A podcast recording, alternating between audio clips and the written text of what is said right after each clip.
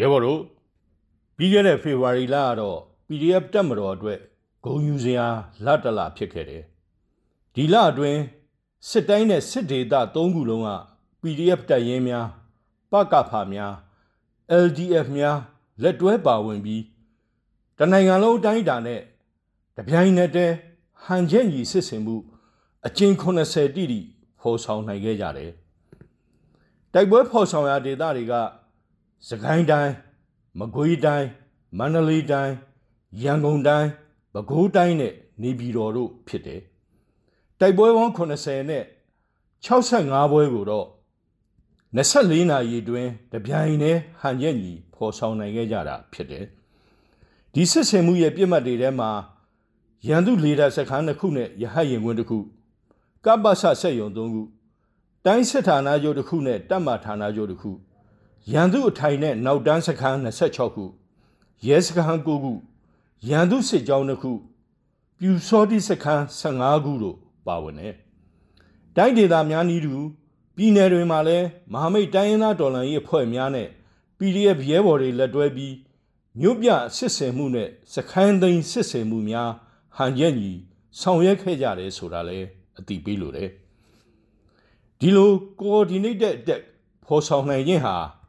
PDF တပ်မတော်ရဲ့စီရေးစွမ်းရည်နောက်တစ်ဆင့်တိုးတက်လာမှုကိုဖော်ပြတဲ့ပြရုပ်ဖြစ်တယ်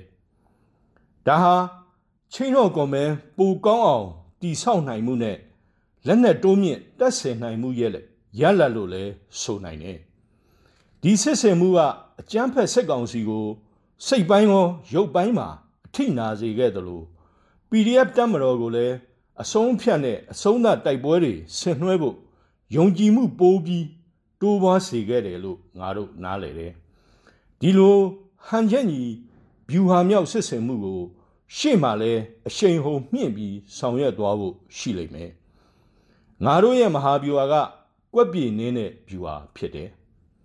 ပြည်သူထောက်ခံပါဝင်တဲ့တော်လန်ရေးဖြစ်တဲ့အားလျော်စွာ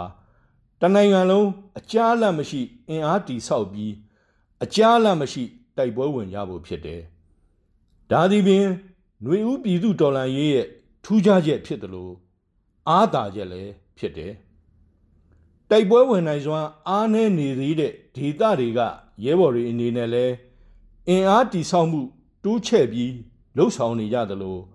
ကာဝေးဝန်ကြီးဌာနအနေနဲ့လည်းလိုအပ်တဲ့ထောက်ပံ့မှုတပ်ဆင်မှုတွေကိုဇက်တိုက်ဆောင်ရွက်နေတာဖြစ်တယ်။အမျိုးသားညီညွတ်ရေးဆိုရနဲ့ PDF တပ်မတော်ရဲ့မဟာမိတ် တိုင်းရင်းသားတော်လှန်ရေးအဖွဲ့တွေရဲ့ပါဝင်မှုဟာလည်းပိုပြီးအားကောင်းလာတဲ့အတွက်မကြာခင်မှာပြည်သူတော်လှန်ရေးရဲ့မဟာဗျူဟာအတိုင်းပိုပြီးကွက်ပြေနင်းနိုင်လိမ့်မယ်လို့ယုံကြည်တယ်။ပြည်သူကိုဆန့်ကျင်တဲ့အကြမ်းဖက်စစ်ကောင်စီဖို့နေပြည်တော်ပါဝင်ဘယ်နေရာမှာမှလုံုံရာရှာမရနိုင်ဘူးဆိုတာသူတို့သိစေရမယ်။ပြည်သူတော်လှန်ရေးမုတ်ချအောင်ရမည်။